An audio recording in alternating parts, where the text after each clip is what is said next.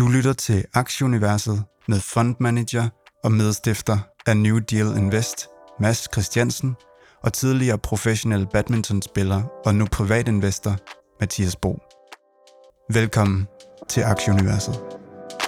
We are living through an era of unprecedented change to our society as well as our economy. Make no mistake about it. Growth is not just a financial issue, it is a strategic issue. Velkommen til 126. udgave af Aktieuniverset. Det er i dag lørdag den 25. februar. Lad os bare være ærlige og så uh, sige, at det har været en tudgrim uge for pengepunkten. Stor fald faktisk over øh, hele linjen. Vi, øh, vi skal selvfølgelig lure lidt på, hvad det er, der, der er sket, men vi prøver at holde fokus på de her mange spændende regnskaber, der også er blevet fremlagt i, i løbet af ugen. Det er blandt andet fra Nvidia, Coinbase, Palo Alto, Global E, Matterport, Grab, Farfetch, Mercado Libre, Opendoor, Unity og Caravana. Så har vi øh, sat tre stjerner ud for Nvidia-regnskabet, dels fordi det var fremragende, men også fordi vi går en lille smule mere i dybden med den, og øh, i den forbindelse Unity. Øhm, og så selvfølgelig skal vi også lige have lidt øh, spændende øh, markedsnyheder. Godmorgen til dig, Mads. Godmorgen, Mathias. Ja, helt vildt spændende, spændende uge. Masser af, af spændende små nuggets i de her regnskaber omkring, øh, hvordan verden den sådan øh, kommer til at se ud fremad, og, og jo især i, i Nvidia-regnskabet, som var den helt store, øh, helt store opmærksomhed. Store vinder. Ja. og helt store vinder også, ikke? Vi, øh, vi har været så heldige at have en samarbejdspartner med i dag. Det er som så vanligt Hello Fresh Group, sund og miljøvenlige måltidskasser direkte til hoveddøren. Ja, lige præcis. Og, øh, og nu, øh, nu er der en opdatering af vores øh, rabatkode her, og, øh, og, og de kommer ud med en, en større rabat øh, nu, end, end de tidligere har gjort. Og så kan jeg ikke lade være med som nørd at sidde og tænke, hvad betyder det så, og så videre. Og, og, øh, og det betyder øh, formentlig, at, øh, at de føler, at de har godt fat i, øh, i, i, i den danske forbruger. Øh, at, at de kan bruge de kan give nogle lidt større rabatter, og så, øh, og, så, og så er det fordi, de forventer, at vi bliver ved med at være kunder hos dem øh, noget længere tid. Så det tyder på, at, øh, at vi danskere er glade for, for deres service, øh, at, at vi bliver ved med at købe øh, nogle flere pakker, og, øh, og at, at, at afkastet på os forbrugere er rigtig godt.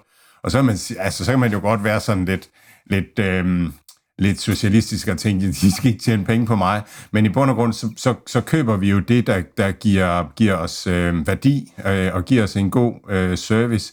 Øhm, og det, øh, det det, det siger mig som, som investor og, øhm, øh, og, og som fyr, der kigger på aktier, at, at, at nu virker det som om, at de har godt fat i, i os, at der er et godt product market fit. Så øhm, det er gode tegn for Hello Fresh. Og, og igen, øh, Hello Fresh, det er jo den her måltidskasse, som man øh, nemt og bekvemt bestiller på sin app i løbet af weekenden, og så får man leveret maden, der er øh, i rette positioner, øh, derfor godt for miljøet og klar til at blive øh, forberedt øh, hjemme i øh, køkkenet i ugens løb. Øh, så det er en nem og bekvem, øh, faktisk billig og miljørigtig løsning. Så det kan kun gå for langsomt med at komme ind og, og prøve den nye kode her, Mathias. Hvordan får man rabat øh, som lytter? Man taster simpelthen universet ind, så får man 30% på første og anden kasse, 20% på tredje, fjerde og femte kasse. Det her tilbud det gælder nye kunder og kunder, som har opsagt deres abonnement for tre måneder eller længere siden. Og så øh, er der endda også øh, fri fragt på øh, første kasse også. Sådan. Godt. Vi, øh, vi starter lige øh, med, med indeksene. Øhm, som jeg indledningsvis sagde, så har det ikke været nogen gode øh, S&P'en bakker næsten 3%, Dow Jones ned 2,6%, øh, næsten 4% ned på Nasdaq'en, 3,89%, DAX'en i Tyskland øh, 1,76%, og C25'eren øh, 1%. Den 10-årige rente er steget øh, til 3,94, for jeg tror, den var 3,4 3,44 sidste uge. Olien er uændret, uændret 76. Euro-dollar-krydset, der er euroen faldet en lille smule. Den er 1,05 nu, så der har vi da trods alt vundet lidt på den. Og så er BTC også faldet ned i lige over 23.000, øh, var jo op og snuse til den her magiske 25.000 grænse, som man stadigvæk skal holde lidt øje med, og Ethereum er også bakket til omkring øh, 1600. Ja, og øh, ja, ja, ja, ja, nu har vi kigget makro i et år, jeg tror, at, øh, at, at tiden måske også er inde til, at man skal begynde at, at kigge mikro øh, hvis det er sådan, at der ikke sker de der vilde forskydninger øh, mere i, i renten og, og så videre, altså, øh, øh, jamen så, så, så begynder det også at være virksomhederne, som ligesom skal afgøre, hvor, hvor indeksen skal hen. Og, og vi vender tilbage til det senere og folder det lidt mere ud, og det er sådan, det er sådan nyt. Men, men der er noget omkring det her med, at Big Tech virkelig går i flæsket på hinanden.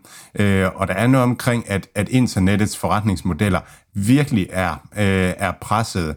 Øh, jeg havde et webinar, i, øhm, som man kan finde på YouTube, øh, her i den her uge, hvor jeg, hvor jeg talte om det her med de gamle forretningsmodeller, og det her, måske det her regimeskifte, hvor, hvor, hvor måske kan vi godt se, at Nasdaq bliver, bliver flat, ligesom det var i nullerne. Men det betyder faktisk ikke, at vores aktier øh, øh, ikke skal noget. Tilbage i nullerne, der, var, øh, der, var, der gav Google et afkast på gange 6, og Øh, Microsoft, nej ikke Microsoft, øh, Amazon og Apple gav afkast på gange 12 og gange 20 i løbet af nullerne, hvor man ellers sagde, at tech var dødt, men pointen var, at det var den nye tech-generation, og det, det folder jeg rigtig meget ud i det der, og jeg tror det godt, det kan blive temaet, og hvis vi så, hvis, hvis vi så ser også på temaet dengang, det var, at de regerende mastodonter, øh, de klarede sig ikke særlig godt, Microsoft gjorde ingenting i nullerne, Intel gjorde ingenting i nullerne, og, og det kunne vi godt øh, se ind i. Vi kommer til at snakke lidt mere om det her med Bing, øh, der, der kommer ud nu. Og, og på mange måder kunne Bing godt være en, øh, en silver bullet til, øh, til internettets vinder. Microsoft øh, er fucket, undskyld jeg siger det, fuckede jo fuldstændig op på, på mobil øh, øh, tilbage i, i nullerne, og er aldrig kommet med på, på mobilbølgen. Øh, øh, og nu kan de måske øh, skyde det ned. Så så, øhm, så jeg tror måske, at, at, at vi skal til at have virksomhederne til at overtage. Vi har også, altså vi har haft et år, hvor, hvor investorerne har gået efter virksomheder, som havde penge på, på bundlinjen. Så de er priset ret solidt, øh, også inden for tech, de virksomheder, som, som leverer overskud og sådan nogle ting. Altså de er priset øh, sundt og solidt med, med PE's på øh, 40, 60, øh, sådan noget, selvom man, at man ikke vokser så meget. Vi snakkede om, om Airbnb, som er fantastisk virksomhed med vækst og sådan nogle ting, men som også er, er priset ret øh, solidt øh, og, og skal vækste i mange år for at, at vækste ind i det, og det tror jeg simpelthen også, de gør. Men det er bare for at sige, at at, at mm, den der kæmpe optur for Nasdaq, øh, den kunne måske godt blive aflyst, hvis det er sådan, at, at Big Tech skal til at, at slås, og, øh, ja, og, og, og resten er, er priset relativt godt. Så ja, lad os se. Jeg nævnte lige før kryptopriserne. Vi har lidt par, par enkelte kryptonyheder. Øhm, Lone Føns Schrøder, hun var topchef i Lars Seiers øh, kryptoprojekt, det her Concordium, det har hun stået i spidsen for siden 2019. Øh, ja, selvom man synes, det er spændende univers, så kan man vel godt sige, at det ikke har været en kæmpe succes indtil videre. De er stadigvæk i gang med at udvikle det her, men hun har simpelthen trådt fra i løbet af ugen. Øh, det virker måske oplagt at prøve noget nyt og se, om man kan, man kan få, få lidt mere gang i det derovre. Egentlig et, et projekt, som jeg følger sådan lidt og synes er utrolig spændende, men, men selvfølgelig her de sidste par år øh, har, det været, har det været relativt øh, svært med, med det. Hvad er, hvad, altså, hvad, er, hvad er nyhederne derovre? Altså, øh, kursmæssigt går det jo øh, meget dårligt. Er det, men virker det som om, det går som det skal med projektet, eller, eller hvordan? Jeg tror, de er i gang med at lave en NFT-platform også, som, øh, som, øh, som de arbejder på. Øh, og, og så som du siger, deres, deres coin er, er faldet ekstremt meget. Øh, så jeg tror ikke, at det kører øh, sådan super godt, øh, men, men det er der jo nærmest ikke noget med NFT, som, som gør i øjeblikket. Øh, så jeg tænker, at, at det ene er sådan, virker meget, ja, meget lige til at prøve at skifte ud og, og se, om der er en anden, der kan få, få lidt mere fart under, under eller i, i feltet på, på den her konto. Øhm, en, men, altså, du har også... En, nej, en anden ting, der også er i det, det er, at, at nu har de været i gang med at bygge den her øh, platform, og det de skal nu, det er, at de skal have nogle kunder på. Altså, så, øhm, og, og, og Lars Seier har jo været, været ham, der har stået frem og har solgt det og fortalt om, øh, om Concordium. Så måske, altså, måske skal man også have en, en CEO, som er, er den, der kan, kan sælge øh, projektet, og jeg kender ikke, øh, jeg kender ikke hende øh, øh, der er trådt fra her. Men, men man kan sige, det er måske en anden fase. Det, der betyder noget, det er simpelthen at få en masse kunder på, der, der bruger den for at, at få gang i, i uh, netværkseffekterne øh, på den platform. Ja, og så kan du sige, der er stadigvæk også nogle tunge spillere. Altså OpenSea, de sidder jo stadigvæk rigtig, rigtig tungt for det her, så det er jo ikke sådan lige noget, man bare lige sådan gør, bliver, bliver markedsledende inden for det her, og så samtidig med, at alt NFT jo mere eller mindre er faldet plus 90 procent i værdi, så, så, så ser det selvfølgelig lidt svært ud. Men øh, det er jo stadigvæk en, en spændende teknologi, noget som på en eller anden tidspunkt nok bliver en del af vores fremtid, hvad mindre det fader helt ud. Så, så det, jeg, jeg, synes, det er, jeg synes, det er rigtig interessant at, at holde øje med, hvad der sker. Men uh, lige pt. er det ligesom med så meget andet, uh, ser lidt, uh, lidt sort ud, men uh, vi hæpper der og håber, at de kan få, mm. få lidt gang i det derovre. Mads, du har også lige stødt på et par, øh, par kryptoskrådstræk blockchain-nyheder. Kan du ikke lige tage os igennem det? Jo, øh, Coinbase øh, lancerer meget apropos øh, et, et projekt, de kalder Base, øh, og det er en, en Ethereum Layer 2 øh, platform, som, øh, som man kan bruge til at bygge decentraliserede apps på. Øh, så det gør det altså nemmere for folk at bygge på, på Ethereum. Øhm, og og jeg, jeg har ikke sådan gået så meget ned i det, ikke også? Men, men det, man taler om, det er jo, at blockchain, det er decentralt, ikke? Og nu laver Coinbase så sådan en, en centraliseret layer 2, altså et, et, et lag ovenpå, som, som bruger, øh, som gør det nemmere at bruge laget nedenunder. Og så kan jeg med sådan, altså, hvor decentraliseret er det så? Altså, hvad hvis, hvis Coinbase øh, lukker og sådan nogle ting? Og det, det er der sikkert en, en god forklaring på, men, men det er alligevel det, man sådan står lidt og, øh, og tænker. Det samme er det jo med Lightning, som er, er layer 2 til Bitcoin, som, som bliver rullet ud, sådan at, at man kan betale øh, på, på Bitcoin-protokollen, uden hele tiden at skulle, skulle lave nye blokke øh, og kører det der. Og igen, så, altså, så er der jo en central organisation, der sørger for, at Lightning ligesom fungerer og kører. Så ja, så der, der er mange udviklingstrin nu. Jeg tror, som der er fuldstændig på teknologien, at, at, at det, det skal der være på en eller anden måde. Vi skal lige forbi lidt makro, for der var også selvfølgelig også lidt et makro i USA i, i løbet af ugen. Onsdag kom der referat fra, øh, fra Centralbanken, øh, på, fra seneste rentemøde her, og det, det udløste egentlig ikke sådan rigtig nogen voldsomme kursbevægelser. Man kan sige, det lugter lidt mere en renteforholdelse på 0,5 næste gang.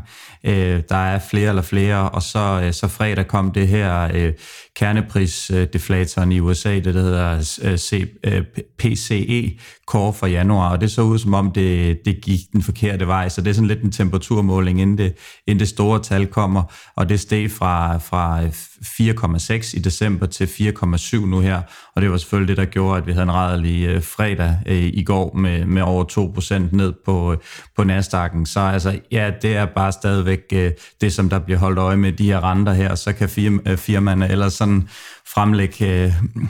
Øh, nok så mange regnskabstal og være positive og komme ud. Det er stadigvæk det, som, som styrer indeksen i øjeblikket. Så ikke noget nyt under solen der, øh, men øh, ja, der bliver stadigvæk gættet løs og, og håbet på en, en mindre rentestigning, i hvert fald for, for aktionærerne rundt omkring. Ja, altså øh, PCE rimer på PTSD.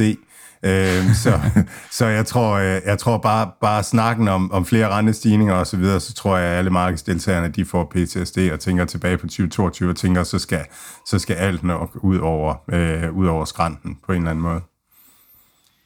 Vi skal lige i gang med lidt øh, øvrige markedsnyheder, øhm, og øh, vi starter lige med, øh, med Spotify, som nu har en automatisk øh, DJ i lommen. Fortæl lige lidt om det. Jamen, uh, Spotify med AI DJ, øh, så, uh, så det er altså, og det er ikke Bing, det er simpelthen bare, uh, det er bare Spotify, der, um, der, der simpelthen kan lure, hvad, hvad du godt kunne tænke dig at høre, uh, Mathias, så, så, så, så kører den bare af med, um, uh, ja, med, med, um, med, med god, gammel, god gammel dansk uh, musik uh, fra, fra den gyldne tid øh, og hvad, hvad du ellers hører. Men, men altså, det, det er bare shubidua og pølser på grillen, ikke? så kører det sådan fredag. ja, ja, lige præcis. Ja, så øh, ja, Ja, så, så det, er, det, er, det er det, de udvikler. Altså, de udvikler, de lægger AI ind i, øh, ind i lyd. Øhm, og, og, og jeg synes, de her large language models og sådan noget, som, som er ude nu, det, det, det gør også, at man tænker, at, at det er måske ikke så uoverskueligt et projekt, øh, som, som man måske tidligere har, har tænkt, at det har været, og, øh, og kunne gøre en masse med, med lydmediet. Så så jeg lige, at Tesla de var ude og sænke priserne endnu en gang på deres øh, biler. Nu kan man få en Model 3 til 330.000 kroner, hvis man bestiller den på øh, hjemmesiden. Øh, det er selvfølgelig meget i tråd med, at de brugte Tesla er blevet meget, meget billigere efter deres øh, prissænkninger her, men jeg synes faktisk egentlig, det lyder relativt billigt, 330.000 for en, øh, for en Tesla. Øhm, så øh, ja, hvis man har lyst til det, kan man hoppe ind på Teslas hjemmeside og erhverve sig sådan en. Altså hvis, hvis, man nu, øh, hvis man nu sammenligner med TSMC, som er blevet Taiwan Semiconductor, som er blevet sådan en kæmpe, kæmpe succeshistorie, så har Taiwan Semiconductor øh, domineret markedet for chips i, øh, igennem en del år. Øh, og Intel har jo sådan i hvert fald i starten haft en mulighed for at konkurrere. Men Taiwan Semiconductor har gjort det, at de har hele tiden, i stedet for at holde priserne konstante, når de sænkede produktionsomkostninger, så har de sænket priserne også. Så, øh, så på den måde, så har de gjort det umuligt for nogen reelt set at, at komme ind og konkurrere. Øhm, og nu ser vi det, hvor at, at man skal til at producere chips i USA, hvor Taiwan Semiconductor skal til det, at produktionsomkostningerne i USA er fuldstændig urimelig høje, øhm, så, så man kan ikke producere avancerede chips i USA uden at, at tage penge på dem, medmindre man skal sælge dem væsentligt dyrere, end, end, det, end det Taiwan Semiconductor sælger dem til. Så, så øhm, hvis, hvis man tror på, at, at øh, Teslas øh, konkurrencemæssige fordel, det er, at de er overlegne øh, i, produ- i produktionsledet, så er den langsigtede rigtige strategi for dem, det er bare at sænke priserne. Øh, og så, øh, og så altså gør det umuligt at, at konkurrere med dem. Så jeg synes, det giver sindssygt meget mening. Jeg bliver bare bullish af at høre på det. Skal vi måske til ugens mest spændende nyhed, det her, som du også snakkede om indledningsvis med, med Bing og Edge, som, som kommer på en uh, app. Prøv lige at, uh, at, at fortælle os, hvad der sker her. Ja, men øh, der er nyheder ude om, at Bing og, og Edge ja, kommer, kommer på, på app. Og det, jeg, jeg, nu, jeg kommer bare med en kort en. Jeg, jeg lover, at vi kommer til at snakke en masse om det, og jeg tror ikke, jeg tror ikke rigtig, der er nogen, der sådan rigtig lige har, har, har tænkt over, hvad det betyder. Men øh, Microsoft, øh, de er jo i den grad ude af mobilinternettet. Det er Google med Android, og det er Apple med iOS, der, der har vundet mobilinternettet. Microsofts historie er enormt ynkelig. Altså, man, man, var, man var ude med en browser i nullerne og til mobil, og sagde, at der skal være tastatur, og det skal være en forretningsmobil og sådan noget, og så kom Apple og smadrede dem fuldstændig og med, med, med smartphone og apps og, og stor skærm, man trykkede på med fingrene og sådan nogle ting. Øhm, og det som det, som Microsoft øh, ikke forstod, det var, at, at øh, mobil, at, at iPhone er en, en, øh, et, et apparat, man bruger til at bruge det mobile internet. Alle de funktioner, der er på mobil internet, det er via iPhone. Øh, og og det, det kom øh, Microsoft aldrig med på. Øhm, det, det Apple så virkelig tjener penge på nu, det er, at man har kontrol over distributionen af produkter øh, på iPhone. Der er ikke nogen, der kan komme uden om, øh, om iPhone. Øhm, og, øhm, og, og er et vertikalt integreret produkt, hvor at, at folk kan ikke bare lægge en app på og sådan noget. Apple skal godkende den, og de skal sige, at det er okay, og betalingerne skal gå igennem App Store og alle sådan nogle ting her. Øhm, Apple tjener også rigtig mange penge fra Google ved, at øh, Google betaler for at være den dominerende øh, søgemaskine på øh, default søgemaskine på øh, Safari på, på mobilen. Øhm, så og nu kommer nu kommer, nu kommer Microsoft så og siger, jamen vi har den her Skype-app, og der, der kommer vi til at lægge Bing ind. Så kan alle, de kan bare bruge øh, Bing til at søge på mobilinternet. Det er en meget bedre søgeoplevelse. Der er også ChatGPT med. Så, øh, så lige pludselig, så, så ved jeg ikke, om, om, om Google skal have pengene tilbage fra Apple for øh, at være default søgemaskine, eller det produkt er i hvert fald mindre værd. Og, og over i, øh, over i Android-lejren, der er det Google, der sidder på det, ikke? Og de... Øh, Øhm, og, og, og, og nu kommer, nu kommer, nu kommer Bing-appen og, og Skype-appen, så det, det kommer til at bryde den her dominans fuldstændig. Hvordan kommer det til at fungere i praksis? Ved du det, at man åbner sin Skype-app, og så står der simpelthen, at man kan gå, gå til Bing derfra, eller hvordan fungerer det i praksis? Jamen, jeg ved det ikke. Jeg, jeg har lige siddet og prøvet at, at lege med det, og sådan noget, og, og jeg har, på min Skype er der ikke noget, altså der kan jeg bare alt det kedelige, jeg kunne for, for 10 år siden, øh, så der er virkelig ikke sket noget. Øhm, og, og Skype ja, det, det holder vi, de holder vi selvfølgelig lige øje med at prøve lige at se, om vi kan sætte os lidt ind i og se, om det, det, er, det er kommet endnu, eller det, jamen, jamen det, det først lige er noget, der bliver opdateret i, i løbet af nogle dage eller et eller andet. det, det er ikke kommet endnu, og jeg, jeg, jeg, tror, jeg tror også, altså når man, når man går ind på, øh, på Bing, når man prøver den der Bing-app, så kan man blive skrevet til vente, på venteliste til ChatGPT, og det er fordi, at du kan ikke, du kan ikke bare lægge noget nyt software ind i en app, uden at Apple skal godkende det. Altså, så, så det skal igennem Apples godkendelse. Jeg tror ikke, at Apple de kommer til at synes, at det er særlig, en særlig god idé. Så jeg tror, at Apple de kommer til at finde et eller andet ved, øh, ved det her, som, som, som ikke fungerer, og som, som ikke er, er sikkert for kunderne. Altså, jeg tror, de kommer til at sige, at, at ChatGPT ikke er, at Bing ikke er sikker, et sikkert produkt, så derfor så vil de ikke have det på iPhone. Og så kommer Microsoft til at, at skrige, uh, skrige til regulatorerne, at hey, det der, de, det er konkurrenceforvridende og sådan nogle ting, og det er det også. Øhm, og, så, og så har vi det her, så har vi det her slagsmål. Men jeg tror godt, at det her det kan blive den der silver bullet, øhm, som, som kan gøre, at Microsoft de, de, Microsoft kan fint ødelægge den gamle internetforretning, øh, der er, øh, fordi at mobil internet, fordi de har ikke selv del i det. Altså når du tænker på, hvad, hvilke af Microsoft-produkter du bruger på smartphone, det er, jo, det er jo stort set ingenting. Så det er fint at bryde de gamle dominanser og rive de gamle øh, forter ned tænker også som øh, Microsoft Investor, det er, en, det, er, det er et fedt moonshot at have i, i, i bøssen også, øh, hvis, hvis det her det lykkes for dem ud over en kanonsolid forretning, som vi har været rundt om rigtig mange gange, med solide produkter, der er Azure øh, webservice, og så, så nu her måske også den her mulighed for at udfordre Apple lidt, og, og øh, sådan nogle ting, og, og komme ind og, og, og konkurrere og score nogle kunder den vej rundt. Det er en fed en at have liggende til, til, øh, til folk, som, som har investeret i den her aktie. Øh, I hvert fald et, et kæmpe plus, at, at der er de her muligheder for virkelig at komme ind og trumfe igennem. Ja, på lang sigt, altså der, der, der kan det blive til noget. Øh, på kort sigt, der tror jeg bare, det bliver juridisk. Øh, jeg tror, det bliver, altså hvis der er en advokataktie, så, øh, så skal vi have den. altså fordi det, det der, det, det, bliver, det bliver dyrt at, at levere. Men en anden sjov ting at ved det, det er, at hvis øh, altså noget af, noget af compute ved, øh, øh, ved, ved ChatGPT og sådan noget, det vil ligge det vil ligge inde i datacenteret, men noget vil også ligge ud på telefonen. Så det at komme ud og kunne bruge folks egen mikroprocessor og folks egen strøm og sådan noget øh, til at, at lave de her ting, det vil også være en kæmpe fordel for, for Microsoft øh, til det. Og Apple vil jo bare tænke, du fortalte det her om, at, at du har været, øh, du har været til paddelturnering, øh, og så når du, købte, når du købte kaffe, så skulle du betale med mobiltelefonen, og så havde man lagt, øh, så havde man lagt øh, 1-2% oven i prisen, for ligesom at kunne betale det til Apple, ikke?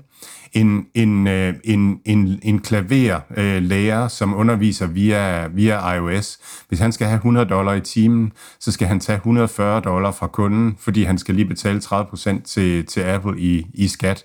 Så Apple er jo ikke, Apple er jo ikke interesseret i, at der kommer nogen og bryder den her øh, dominans øh, ned. Altså, øh, fordi hvad, hvad kan man så ellers distribuere via Bing-appen øh, øh, udenom iOS? Det er i hvert fald spændende, super interessant, og øh, vi holder øje med, hvad der sker med, med de to mastodonter. Øhm, med Cardo Libre, der er lige nyheden omkring det. Vi skal vende os selvfølgelig tilbage med regnskabet, øh, men øh, ja, de er i gang med at have lavet en ny øh, app. Ja, de er app mediation, altså de 10 tilbyder at programmere øh, bare display apps øh, på, øh, på deres platform. Øhm, og det er, jo, det er jo genialt, altså Mercado Libre har data på øh, forbrugerne, data på, hvilke varer der trender og, og så videre. Så når de laver noget, hvor virksomhederne så relativt simpelt kan gå ind og så øh, købe sig øh, til nogle apps, øh, eller til nogle øh, reklamer, jamen så, så giver det rigtig meget mening. Og Mercado Libre kan jo en til en vise, dokumentere, når at, øh, at, at reklamerne konverterer til et salg, fordi det hele det foregår på Mercado Libres platform. Og det er sjovt nok, øh, fuldstændig ligesom øh, Googles øh, og Apples øh, forretningsmodel var i gamle dage. Man kunne følge konverteringerne, man havde al dataen, øh, og så havde man app med, eller reklamemedieringsplatformen.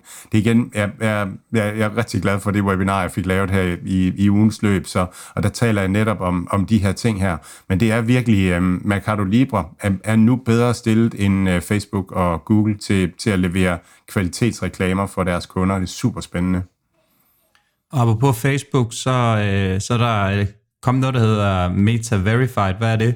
Jamen, det er, det er, at nu kan du, øh, nu kan du øh, indsende dit øh, pas eller sygesikring og sådan nogle ting, og så kan du få sådan en, en, øh, en verified badge øh, på din øh, Facebook-account, sådan at, at, at du er den, du er, øh, og så betaler du så for et, et øh, abonnement for det, og så... Øh, Øhm, og så får du nogle, nogle fordele øh, fra Meta og sådan noget. Så det er en abonnementsløsning, fuldstændig ligesom Snap har kommet med Snap Plus, og Twitter er kommet med, hvad hedder det, øh, Blue, Blue Badge på, på Twitter. Øhm, øh, det, det, det er bare noget, som Facebook har haft længe. Ja, det er rigtigt, men, men, men altså nu er det nu er det en måske til mere random people som udvidet. kan gøre det. Ja, jeg tror det har været ja. virksomheder tidligere, og så nu er det ja, også ja, eller kendte sportsfolk og øh, musikere og sådan noget, som har en øh, verificeret account øh, derinde. Okay, nu bliver jeg lidt sådan, altså vil det sige at du har en og jeg har ikke en? Øh, det vil i den grad sige, at jeg har jeg er verificeret hele vejen rundt, tror jeg. Men, øh, så en af os er der repræsenteret derinde, men det er ikke dig. det er simpelthen lige blevet en dårlig dag.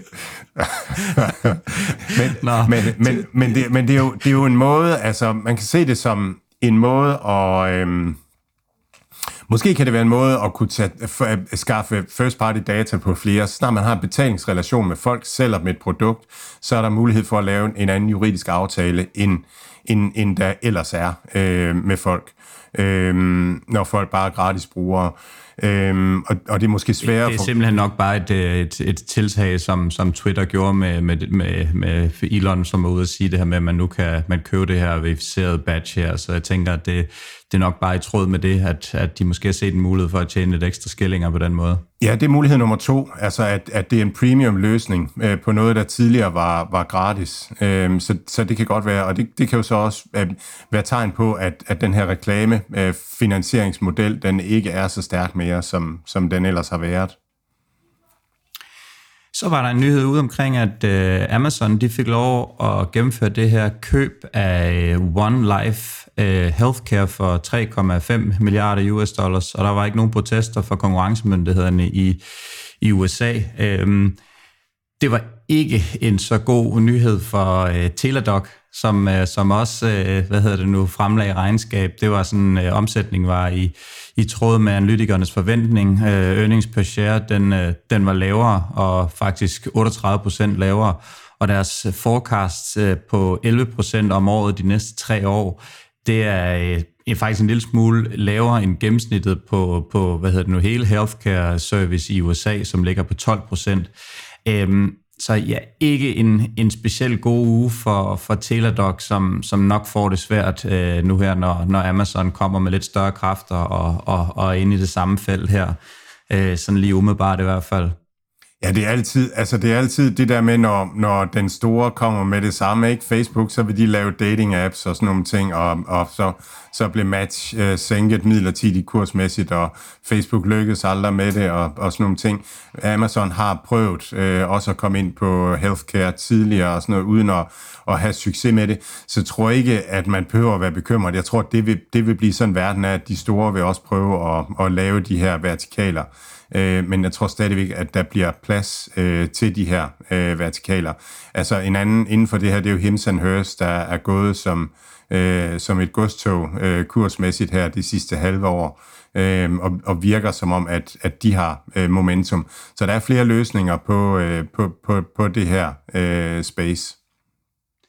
Teladoc er ned 11% på, for ugen, stadigvæk 14% op for, for året, så det er selvfølgelig fint, men man kommer også fra ja, der var den i 70 dollars for et års tid siden, og nu ligger den her i 27 dollars, og selvfølgelig også en, en ordentlig gang tørre tæsk, som, som den har taget. Øhm, vi skal lige, inden vi går i gang med de her regnskaber, så skal vi lige omkring øh, nogle delivery news, for der har også været øh, lidt gang i den der. Ja, der, der er en del spændende ting. Altså først og fremmest, så er der jo nede i Dubai nu, Mathias, tre Talibat, Talibat øh, food delivery. Ikke, øh, forhåbentlig ikke Taliban. Ej, ikke, jeg tror ikke, det, ej, de er ret gjort, de er gjort uskadelige. Altså, det er sådan nogle food delivery, øh, selvkørende robotter, øh, der kører rundt øh, i byen og kan levere øh, pizza og så videre. Og de er faktisk lavet, så de ikke kan genkende ansigter, øh, når de nu kører rundt i bybilledet. De kan køre udenom mennesker, men de kan ikke genkende mennesker. Så jeg tror ikke, øh, Taliban kan bruge dem til så meget. øhm, så er Bolt øh, i gang med at rulle ride-hailing ud i Afrika, investere 500 millioner dollars det, jeg synes, det er spændende. Altså, der har jo været den her Jumia-aktie, øh, som, som prøver at være Amazon i, i Afrika, og, og det, det, det, det springende spørgsmål, det er, om, om Afrika er, er klar til det øh, infrastrukturmæssigt og sådan juridisk og, og så videre, til at man, man bygger øh, store virksomheder der. Men Glovo er, er også i gang, øh, har lavet en aftale med Nairobi om at skulle hjælpe øh, små og mellemstore virksomheder med, med et, sådan en digitaliseringsinfrastruktur. Øh, så, så, så, så der bliver nippet til, til Afrika, og måske, måske er de ved at være der efterhånden. Instacart vil til at levere andre ting end uh, groceries, kommer til at uh, konkurrere mere med, med Walmart og med uh, Amazon. Uh, så, så er der gang i det space også. Så var der en opgørelse ud over uh, øhm, US øh, Meal Deliveries, øh, hvor markedsandelen er nu. DoorDash har 65%, Uber Eats har øh, 23%, plus Postmates, som er 2%, som Uber Eats har købt. Og så er der de gamle Grubhub, øh, som har 10%, så klar dominans fra DoorDash og, og Uber Eats. Så er DoorDash partneret op med Aldi, Øhm, det, det, det, det, virker så vildt, ikke? Altså, alle de super discount og sådan noget, man skal have det så billigt som muligt, og så vil man altså alligevel betale for at, at, at få det leveret. Så det siger måske noget om, hvor langt øh, det er kommet. Og så vores øh, egen Hello Fresh er begyndt at starte egen logistik i øh, Storbritannien øh, og, og bygge det ud. Altså, uh, HelloFresh investerer virkelig i, uh, i deres butik, uh, så, så forretningen kaster penge af sig, og så bliver det, bliver det hele investeret i, uh, i, i, i logistik og produktionskapacitet og sådan noget. Så jeg tror, den er rigtig god på lang sigt. Nu var jeg så kanon langsom og noget ikke at afbryde dig lige. Jeg havde nemlig en kommentar til det her med Afrika, og det er, jo, det er jo lidt det samme billede, man tænker, nej, men det her det er noget for meget udviklet lande, at man nu ikke gider let sin røv og bare tage telefonen, og så får man bestilt pizzaen eller en liter mælk. Men fordelen for de her lande, det er jo ligesom vi ser i Indien, hvor, hvor når jeg er der, så er jeg jo aldrig et supermarked, fordi at øh, de skal ikke betale ret meget for, eller man kunden skal ikke betale ret meget for, at der er en, der hopper op på en scooter øh, og kører ned i supermarkedet og, øh, og henter tingene, og så, øh, og så fræser hjem hjem til en. Og det er jo, øh, nu har jeg ikke det helt store kendskab til Afrika, men umiddelbart er, øh, er timelønnen heller ikke vanvittigt høj der. Så man kan sige, at der er jo nok mange, der gerne både vil, øh, vil bestille det og betale et lille fee ekstra for det. Og så er der nok også mange, der gerne vil hoppe op på en cykel eller, øh, hvad hedder det nu, øh, eller en knallert og købe med varerne, og så simpelthen tjene penge som, som delivery øh, boy slash girl. Så, så det kan godt være, at man sidder og tænker sådan, nej, det, øh, men, men øh, jeg, jeg tror, de har regnet den ud, øh, og det er i hvert fald Indien at, at kanon godt eksempel på, at, at øh, ja, det er, der, der er rigtig mange, og det er en rigtig stor del, og det er måske nogle af de her lande sammen med Thailand, sammen med Malaysia, øh, som heller ikke lige sådan måske er top tre over mest udviklede lande, at, at der virkelig er smæk på med, med leveringen af ting. Så jeg synes egentlig, det giver meget god mening på i, i, i Afrika, øh, at, at man prøver at starte der og satse på det også, når, når man nu ikke skal betale lige så meget, som man skal i Danmark. Jeg tror, et af, et af de problemer, der har været, det er, at hvis nu pizzabudet, han er sulten, og han så øh, bare spiser pizzaen selv, og du er ikke rigtig, altså, du kan ikke rigtig komme efter ham, og så videre. Altså, du kan ikke dokumentere, hvem han var, og, og, og så videre. Eller, eller, eller han skulle levere en, en, øh, en pakke fra Cartier, og så tænker han, okay, der er sikkert øh, fire års lønninger i den her pakke her, så, så nu siger nu kører jeg med den i stedet for. Altså, så det, det, er mere, det er lige så meget det der med, med stabiliteten. Altså, kan man regne med, at, at posthuset øh, sender returvarerne tilbage, og, øh, og så videre. Altså, så, så, øh, så, så der skal være en, når man kører sådan en lav margin øh, business, som sådan noget food delivery er og sådan nogle ting, altså så skal man ikke ud og erstatte særlig mange varer og, øh, og sådan noget, og løse særlig mange kundeproblemer, før at, at så forsvinder marginen fuldstændig. Så det kræver, at, at der er en vis minimum af orden i samfundet, for at, at det kan lade sig gøre. Jamen, øh, de der ting, de sker alle steder. Der var en, en kammerat, der bestilte en pizza her i Dubai den anden dag, hvor, der, hvor der han så endelig fik den, når den kom ud til døren. Der var lidt leveringsproblemer, så manglede der lige en slice. Genialt. så enten, det kan også have været en sulten nabo, der lige tænkte, nu smager jeg lige på den. Jeg ved heller ikke lige, hvor meget der blev spist af den pizza, men uh, der var i hvert fald en, der lige fik en, uh, en god luns. Nå, Mads, lad os, uh, lad os komme over til det her uh, meget spændende og, og meget imponerende Nvidia-regnskab. Uh, tag os lige igennem det. Ja, og, og, og jeg, har, jeg har virkelig ikke fået læst særlig meget på, på lektionen, fordi der har været så mange regnskaber. Øh, så øh, så lad, lad os prøve at kigge på det. Altså, regnskabet var, øh, var, var, øh, var jo præget af, at, at øh, var, ikke med særlig meget vækst, og så er det klart, at at så, så kan analytikerne have nogle forventninger, og hvis, hvis det lander bedre end det, så er det op, og hvis det lander dårligere end det, så er det ned. Men, men det siger måske lige så meget om analytikernes øh, forventninger. Men, men, men det var bedre end analytikernes forventninger, og derfor så, så skulle vi op.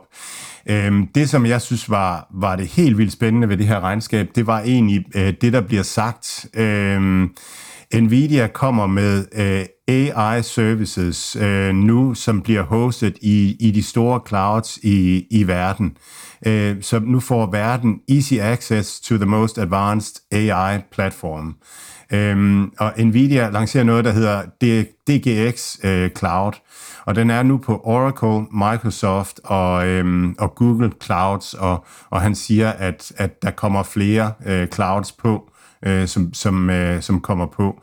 Øhm, og det betyder, at, at virksomheder får adgang, direkte adgang til AI-services. Man har nogle produkter, der hedder Nemo og BioNemo, som er modellerbare AI-modeller til virksomheder.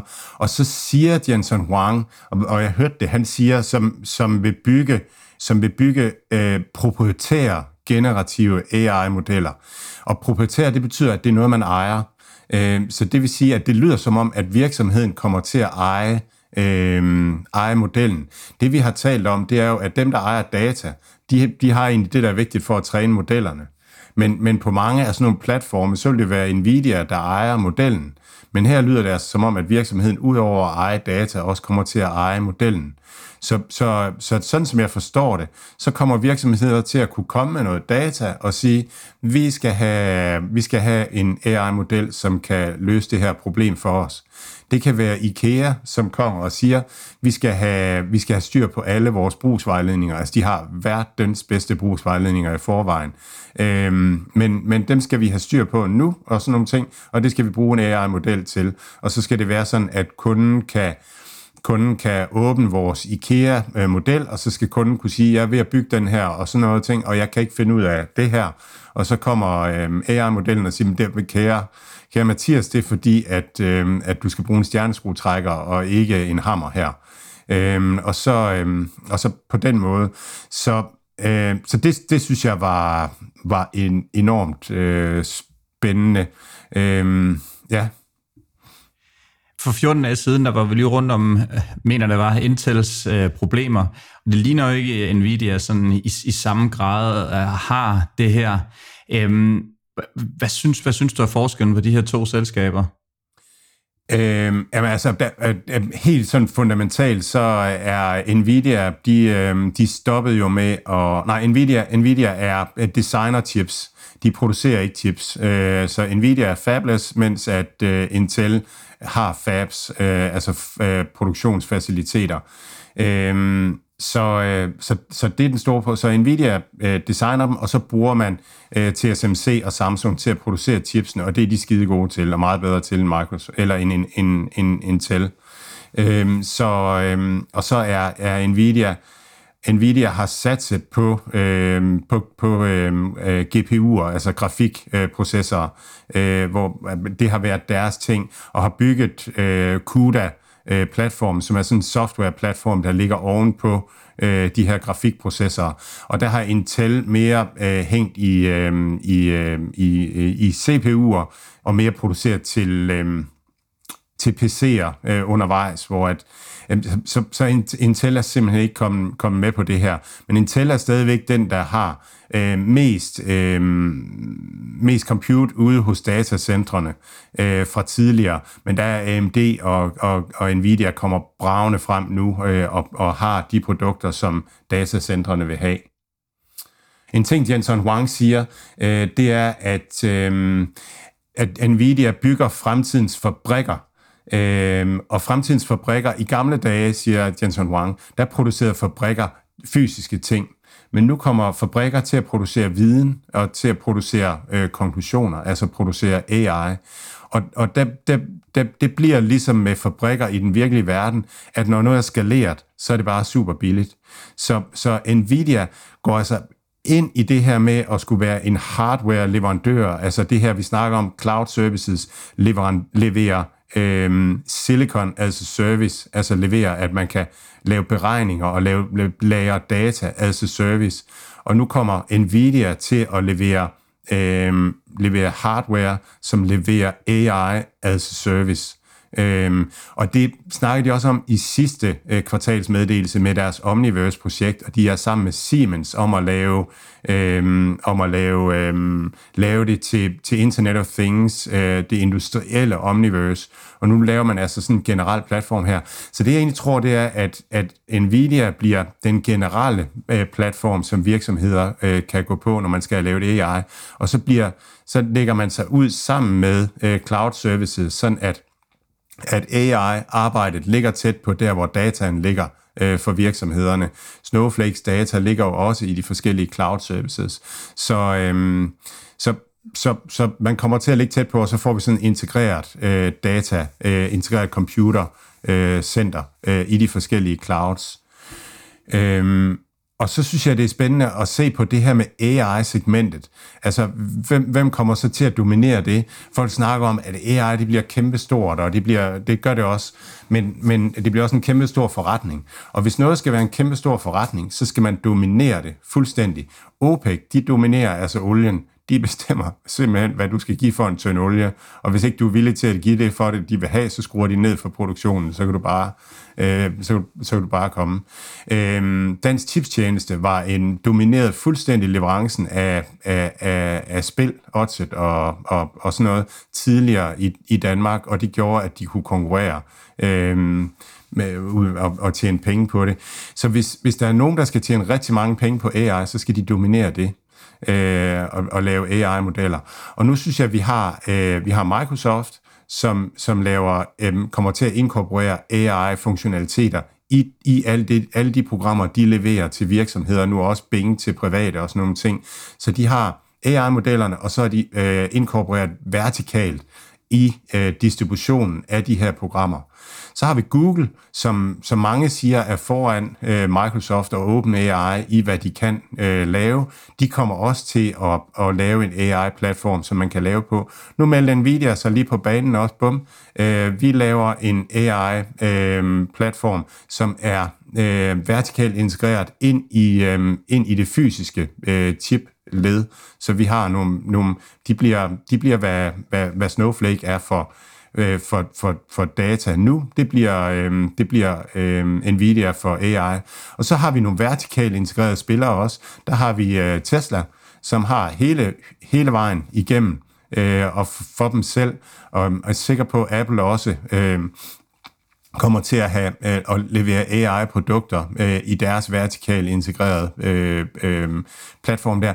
Så der er, øh, der er allerede fem, seks kæmpe store spillere, som kommer til at levere AI-modeller, og det er ikke det, er ikke det der kendetegner et marked, som bliver, øh, altså, som bliver sindssygt profitabelt. Det er alt for fragmenteret. De kommer til at konkurrere med hinanden om at, at, at tage de her markedsandele i mange år. Så, øh, så på den måde er det ikke øh, på den måde er det, ikke, er det, tror jeg ikke, det bliver en kæmpe stor kaskav. Det bliver noget, hvor at, at virksomheder vil kæmpe for at positionere sig, fordi det er fremtiden øh, mange år frem. Jeg kunne godt lige tænke mig at prøve at hive Unity øh, med ind i det her. Øhm, der er ikke så meget boss omkring det her øh, gaming-industri. Det er sådan lidt ala, bitcoin og krypto. Det er sådan lidt øh, nedadgående. Jeg kan huske for, for nogle år siden, der snakkede man jo om, at ja, det var nærmest lige før, man snakkede om, at gaming skulle, skulle på OL-programmet i, i 32, og, og er, var det helt nye og, og sorte. Er det, en, er det en gamingindustri, der er en lille smule krise, eller hvordan øh, oplever du det? Jamen helt klart. Altså ja, gaming, øh, gaming er i, i krise. Altså mobil gaming var jo det, der drev, øh, der drev det hele fremad. Og der, der, øhm, det, der, det, det, der, det, det, der blev tjent penge på i mobilspilsindustrien, det var det, man kalder valer. Øh, og en valg kunne godt bruge en million dollar på et eller andet fjollet mobilspil øh, om året. Og, og, øh, og det, der drev... Øh, øh, reklamer for mobilindustrien, det var jo, at, at man kunne finde de her valer og trække dem ind i det næste spil. Man kunne identificere valerne, og så kunne man reklamere massivt over for dem. Men det kan man ikke mere på grund af ATT. Øh, så, så, så reklamer er ikke særlig effektive mere. Så, så der, har, der har været en afmatning i, øh, i mobilspilsindustrien. Øh, og, og, og de reklamer, som man kan, man kan vise i mobilspil, de er ikke så targeteret mere, de er sådan mere, de bliver mere generelle, og derfor falder værdien af dem, og samme historie, altså re- reklamatørerne, kan, eller dem der reklamerer, kan også reklamere på via Connected TV på Netflix nu, og og, og mange andre platforme, øh, end vi havde Mercado Libre, som kommer med en rigtig effektiv øh, reklamemodel. Og der står mobilindustrien øh, bare lidt skidt, og så er der den generelle afmatning i samfundet også. Så er der Kina, som har været øh, præget af, af lockdown og økonomiske problemer. Også noget Kina er, er, er, er verdens næststørste mobilmarked, eller er det største. Altså, så der har været mange ting, som, øh, som er et problem for, for spilindustrien. Så derfor så, så har det været presset. Men det er ret nok det der med, altså også med øhm, e-sport og sådan noget, altså det er ikke, det er ikke den samme øh, hype mere. Og det ved jeg faktisk ikke, den der PC-del af, af spilindustrien, hvorfor at, at det er på den måde. Men når man så tænker Unity, så kan jeg ikke lade være med at tænke, altså det Unity laver, det er jo uh, real-time uh, 3D. Uh, det, er sådan, det er det, de kan øh, og, og kan lave. Og det kommer Nvidia jo også med i deres øh, Omniverse-platform, øh, og Artificial Intelligence kommer til at gøre det. Og så kan jeg være med at tænke på, hvad er det så Unity egentlig har øh, i, den der, i det der spil? Og, og jeg, jeg tænker svaret er, at Unity har nu vertikalt integreret hele fra, fra at du, du vil lave en app, og så til at du publicerer en app og begynder at monetisere en app, det har Unity i, i, i sig selv efter Iron Source købet. Og, og det betyder, at Unity har nogle data omkring produktionsfasen. Hvad er det, der fungerer? Hvornår fungerer en app godt? Og nu begynder Unity også at lave apps til, til virksomheder og sådan nogle ting. Og det vil sige, at de kan følge, hvordan skal vi lave den her virksomhedsapp fra starten af, for at den kommer til at få mange views, for at den kommer til, og det kan man bruge Artificial Intelligence til også at bryde ned. Hvad er det for nogle komponenter i appsene? Så Unity har noget proprietært data, som kan bruges i Artificial Intelligence-modellerne. Og det er, det, det er, mener jeg, bullcasen for, øh, for, for Unity. Og så, så har Unity øh, det her real-time 3D-teknologi, som gør, at, at det er nemt at lave, lave apps på, på deres platform og, øh, og sådan nogle ting. Og, og den industrielle øh, del af Unity øh, vækster fint. Øh, altså det, der hedder Create. Så, så det er det, der hedder Grow, som, øh, som er problemet. Altså der, hvor man monetiserer øh, appsene, øh, blandt andet via reklamer. Hvis vi lige kigger en lille smule på regnskabet, sådan, så var omsætningen på, for, i Q4 var vel en lille smule bedre end forventet, men de guider så lidt sværere for Q1 her i 23. 18 procent falder regnskabet, falder også øh, yderligere i, i går. En, en, hård, en hård omgang for, for Unity.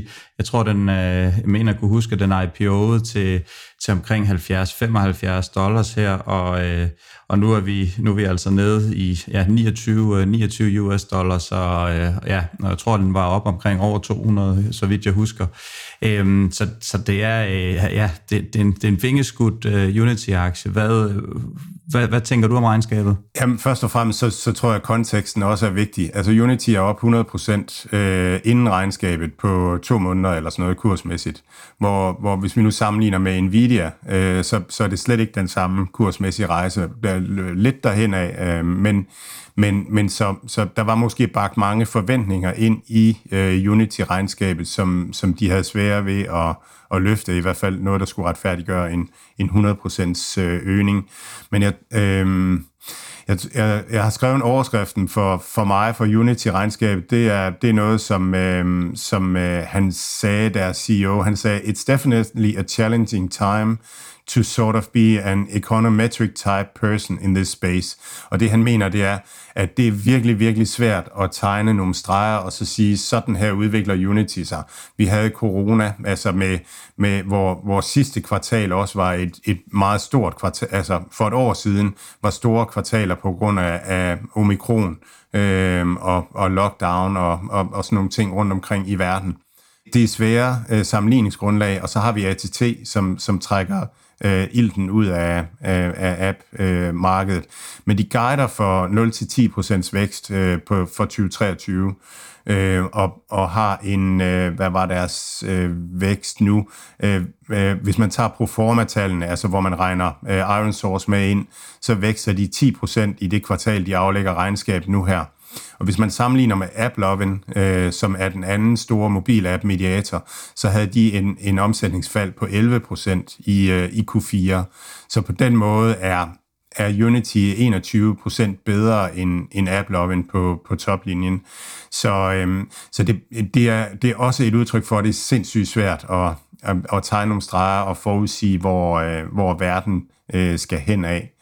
Øh, John Reed Ricciello, øh, som, som er CEO, han siger, at, at gamingmarkedet er stærkt nok, der bliver produceret en masse spil, og engagementet er, er stort.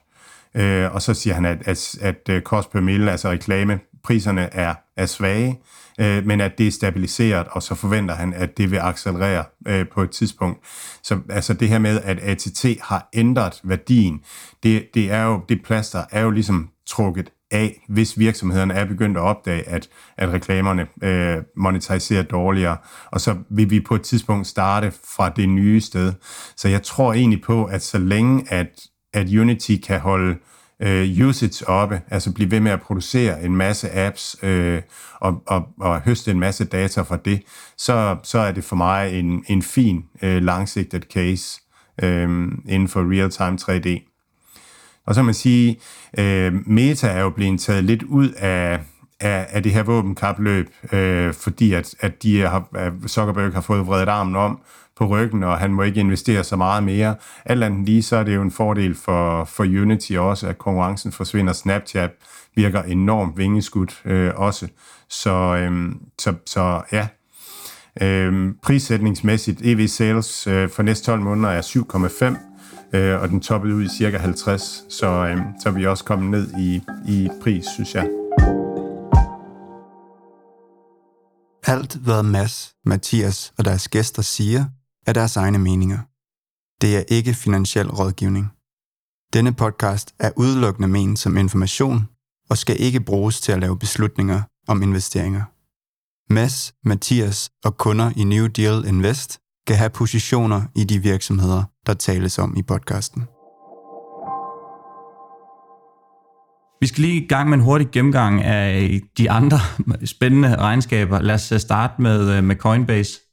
Ja, og, og det, det bliver, øh, det bliver sådan kort, øh, fordi jeg simpelthen ikke har haft mulighed for at, at dykke i dybden med dem. Der har været så mange her på, på ganske få dage. Men øh, Coinbase, øh, overskrifterne der, det er, at de øh, reducerer omkostningerne.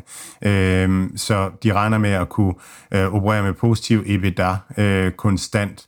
Øh, det har jo tidligere været Coinbases sådan vision, at man over en bitcoin-cyklus skulle være, øh, skulle være break-even, øh, og det vil sige, at man vil investere rigtig meget sådan løbende, øh, og det justerer man nu igen, eller øh, Meta har fået vredet armen rundt og siger, markedet, vi vil ikke have, at I er at, at I brænder så mange penge af. Coinbase, altså de får også en på aktiekursen, hvis ikke at de sørger for at, øh, at tjene penge.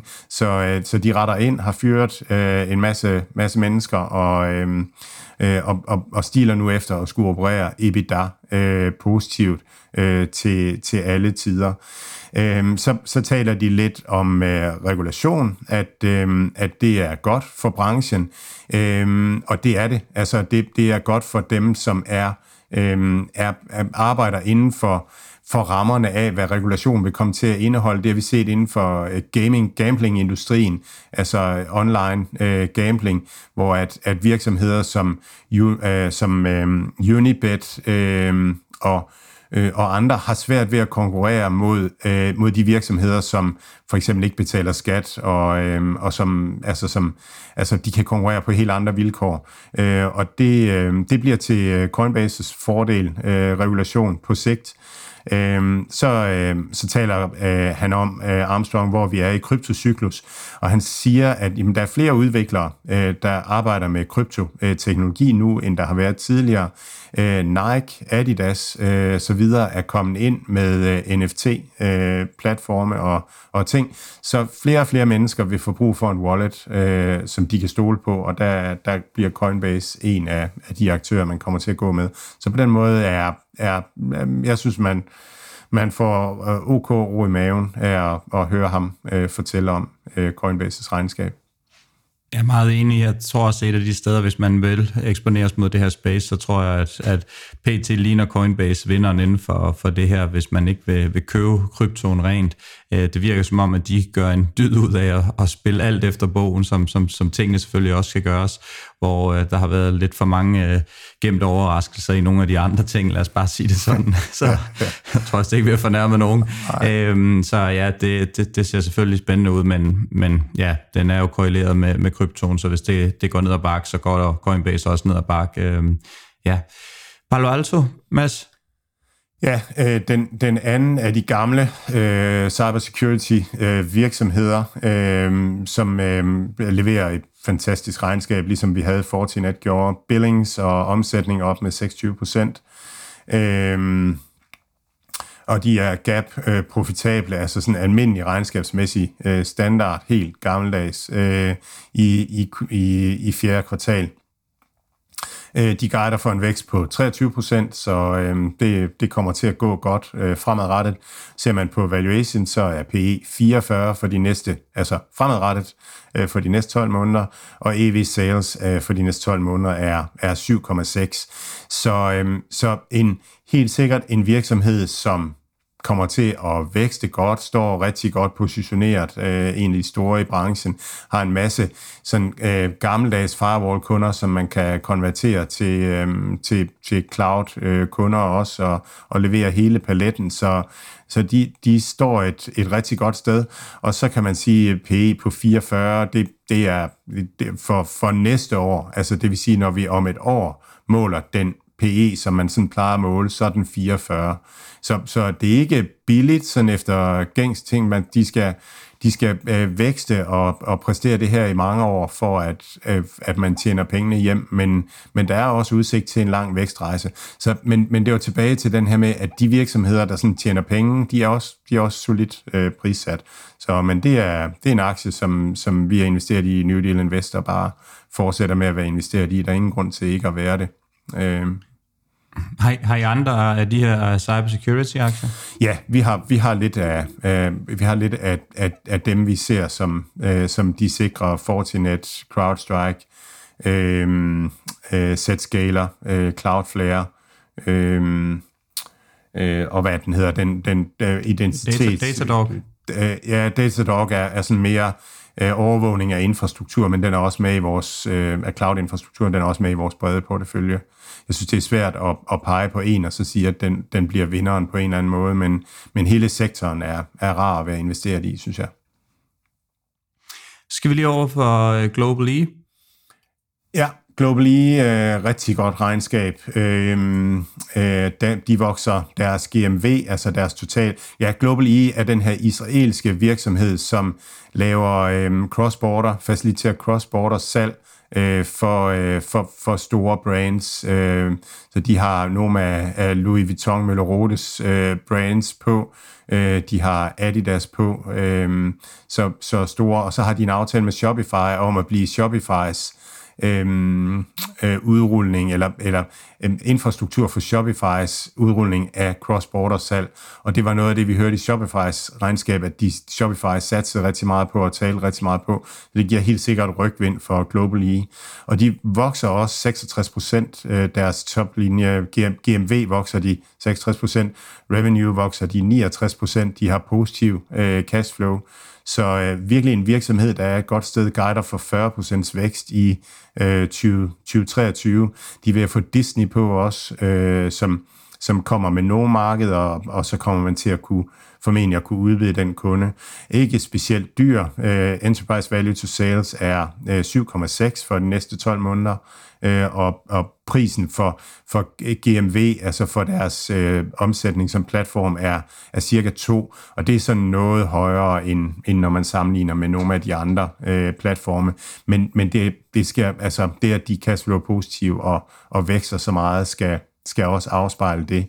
Øhm, og så så, så kan man sige sådan på lang sigt, så okay, det her, det vokser helt vildt, det er mega profitabelt. Øhm, og vi binder ikke særlig meget cash ved det. Er, det. er det noget, vi får lov til at have for os selv på sigt? Nej, det, det, er, det, det er det nok ikke. Øhm, I hvert fald på den her måde. Så, så jeg tror, at man skal, øhm, at man bliver nødt til ned ad vejen, og, og, og øhm, enten så vil man falde i, i overskudsgrad, brutto, brutto profit, altså skulle, skulle dele noget mere af ens overskud ud til de lokale samarbejdspartnere, de samarbejdspartnere, der har styr over værdikæden, også lokale steder.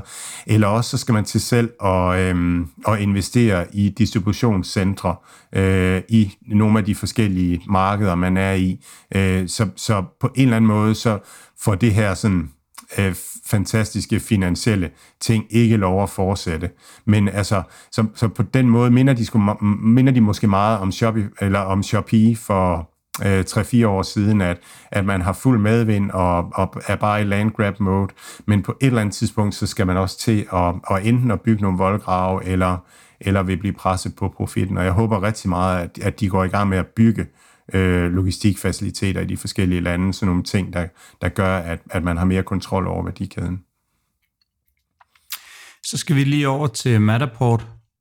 Ja, øh, Matterport er jo den her virksomhed, som digitaliserer, øh, digitaliserer bygninger øh, og, og laver, øh, tilbyder at lave øh, øh, digitale øh, tvillinger af, af bygninger. Øh, og deres øh, omsætning stiger 52 procent øh, til 41 millioner, så det er en, en bolsjebutik. Øh, deres spaces under management, altså antal bygninger, de, øh, de har under management, stiger med øh, 37 procent, og det er simpelthen det tal, som, som jeg holder øje med.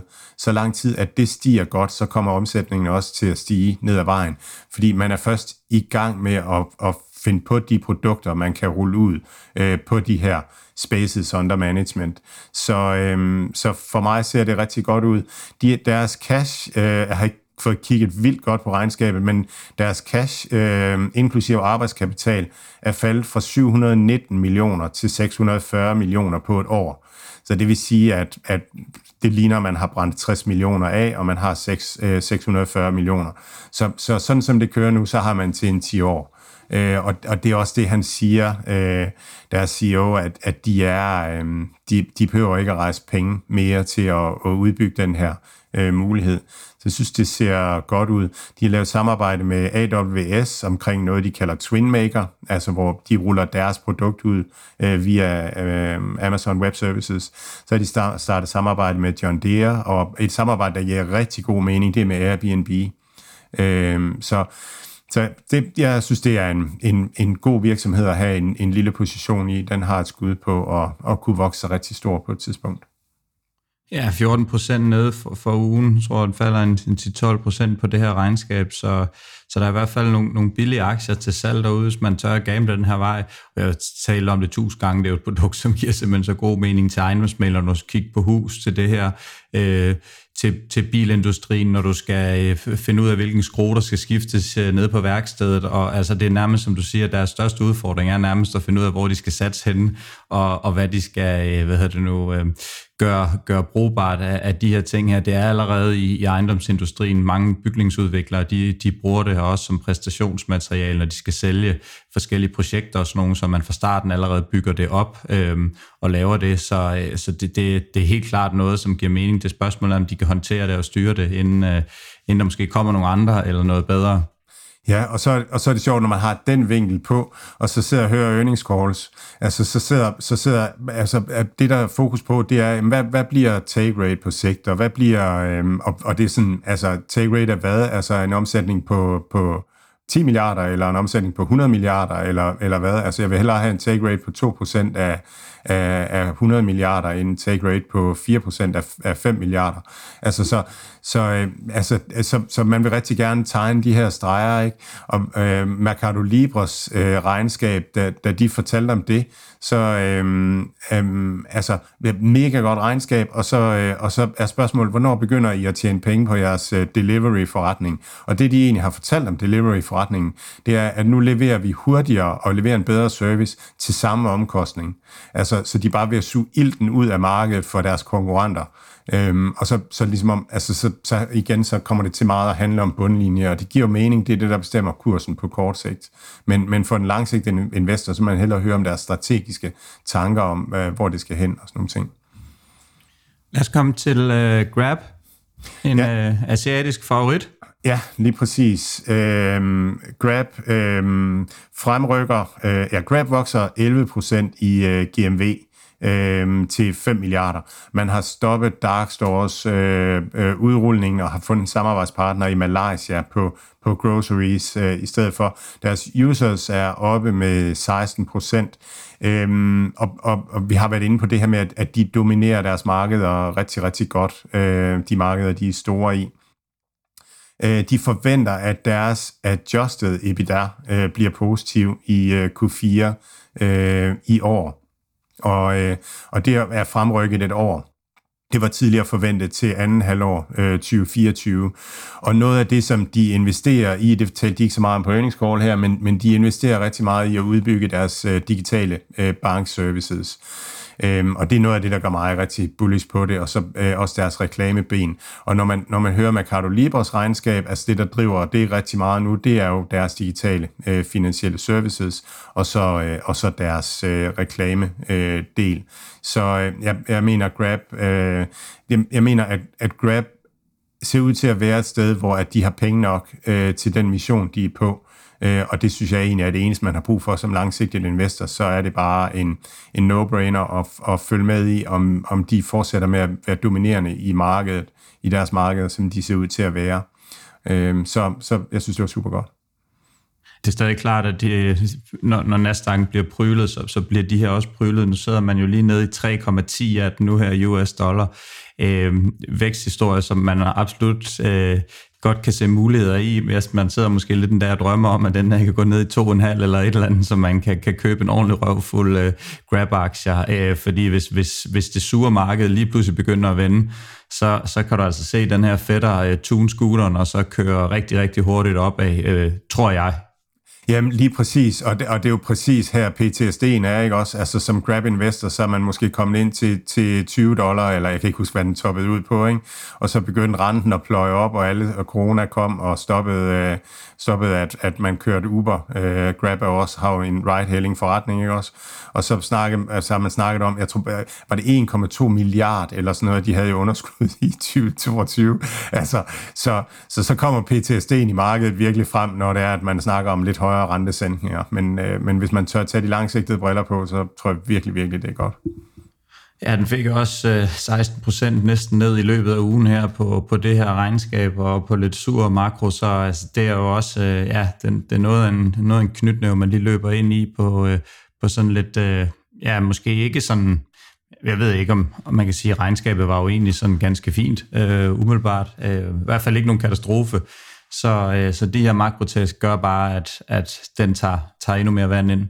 Ja, både, både Unity og øh, Grab-regnskabet, der sidder, der sidder der analytikere og lykønsker med øh, god execution og et godt regnskab. så, ja, så. Men, men også, øh, Grab var også ligesom Unity uh, sten 100% fra bunden. Jeg mener, Grab var nede i 2 og har været oppe omkring kurs 4, og, så, og, og nu er vi så, så var den faldet til 3,5 inden regnskabet, og nu er vi så nede i 3. Hvordan så det ud med Farfetch? Det er Jamen. jo der, hvor du øh, bestiller de nye øh, Louis Vuitton-støvler, når, øh, når damen bliver træt af, at du bliver ved med at de gamle slitte Adidas på. Hvordan så det ud der? Jamen altså, det er det eneste sted, man kan få de her sneakers med, med nitter på, så øh, jeg, jeg, er jo nødt til, at, jeg, jeg er jo nødt til at handle der. Fedt. ja. Nej, øhm, øh, ja, altså øh, også et regnskab, hvor at, at overskriften er, at cash burn virker til at være stoppet. Øhm, øh, deres øh, CFO øh, stopper, og han er nok en af de mest udskældte CFOs i, øh, øh, på FinTwitter. Øhm, men, men de, de melder ud, at, at cash burn stopper, og de, de øh, kommer tilbage til vækst i løbet af i år. Øh, og, og, og det er sådan set, øh, det, er sådan set øh, det vigtige for den virksomhed. Igen, så det de bygger, det er at være, være digital. Øh, digital outlet for, for luksusvarer. Øh, og det, ja, det, det, det tænker jeg, de er på en, en OK mission til. Øhm, og så, har de, så er de blevet ramt. De er blevet ramt af, af Kina, deres, et af de store markeder, næststørste marked, tror jeg, øh, lukket ned. Rusland har de været nødt til at, at, at lukke ned for. Øhm, så, så det, det de blev ramt øh, på, og så, og så den, de generelle øh, økonomiske konjunkturer øh, er de blevet ramt på. Så deres pris for GMV er 0,45 nu, og deres price sales er 0,7. Price sales lyder lav, men det er fordi, de har også noget øh, direkte salg til kunderne, så der er de mere en, en almindelig øh, retail øh, virksomhed så øh, taler de noget om deres media solutions, altså deres reklame øh, virksomhed, hvor de gentaler om fuldstændig det samme som Mercado Libre. Vi har data på first party data på kunderne, øh, og vi har en, en vi har en app som, øh, og, en, og en website, der har opmærksomhed for kunderne, så kunderne bruger også mere og mere til at, øh, at, at sende reklamer, så deres reklamevirksomhed øh, går øh, rigtig godt. Så øhm, ja, i, i, igen et, et øh, regnskab, som, og det er måske rigtig meget det, der ligesom har været temaet her, at, at de her virksomheder er ude og melde ud, vi har penge nok øh, til at komme i mål øh, med vores mission. Og så kan man spørge sig selv om, hvornår, hvornår den her sådan øh, bølgegang, hvor at vi fik en, en kæmpe opbølge øh, under coronakrisen, og nu en kæmpe nedbølge efter coronakrisen, og med høj rente og sådan noget. Hvornår vender det og bliver til den næste øh, bølge? Det, det tror jeg er interessant for, for folk, der investerer i vores aktier. 11 procent stiger den i går faktisk, var tislet i, i bukserne i løbet af ugen, men, men 3 procent, 3,5 procent op for ugen, og 11 procent på det her regnskab. Det er jo, må jo sige, så at være, være godkendt. Øhm, ja, jeg tror på den seneste måned ned 10% stadigvæk, så er der også rabat at hente der, hvis, øh, hvis man tror, at, øh, at masses øh, kommende nyerhvervelse af et par Louboutin er nok til at hæve øh, ja, omsætningen og, øh, og dermed profitten i, i Farfetch. Hvis det er det der øhm, casen, så kan jeg godt hilse at sige, at så skal man ikke købe for det. så, skal, så, så skal man blive væk, ja. det er fair nok. Øhm, Ja, men så er faktisk måske det, jeg glæder mig allermest til med Cardo Libre-regnskabet. Øh, umiddelbart, øh, ja, virkelig, virkelig en, en stærk virksomhed. Øh, prøv lige at, øh, at sætte nogle ord på. Ja, øh, jeg synes det er det er egentlig det der, de, altså de, der deres fintech-virksomhed øh, går så godt, øh, så det de taler om, at, at de udbygger deres, øh, udbygger deres øh, logistik øh, virksomhed, de kommer mere og mere ned på first day delivery, øh, gør deres services bedre og bedre. Øh, når en lydlænger spørger til, hvornår begynder jeg at tjene penge på det, så, så kan man godt høre, at det er slet ikke det, de har tænkt sig.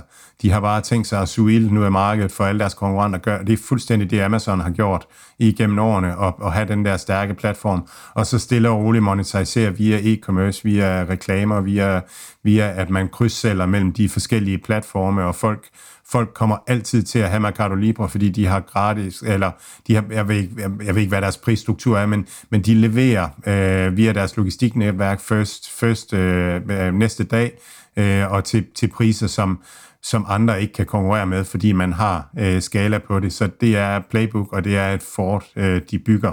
Øhm, deres GMV vokser 35%, øh, deres totale payments volume øh, vokser 80%, Øhm, og deres payments volume off marketplace, det vil sige altså ude i butikkerne, når folk ikke er online, vokser 121 procent, så man tager virkelig markedsandele i, øhm, i, i fintech-spacet.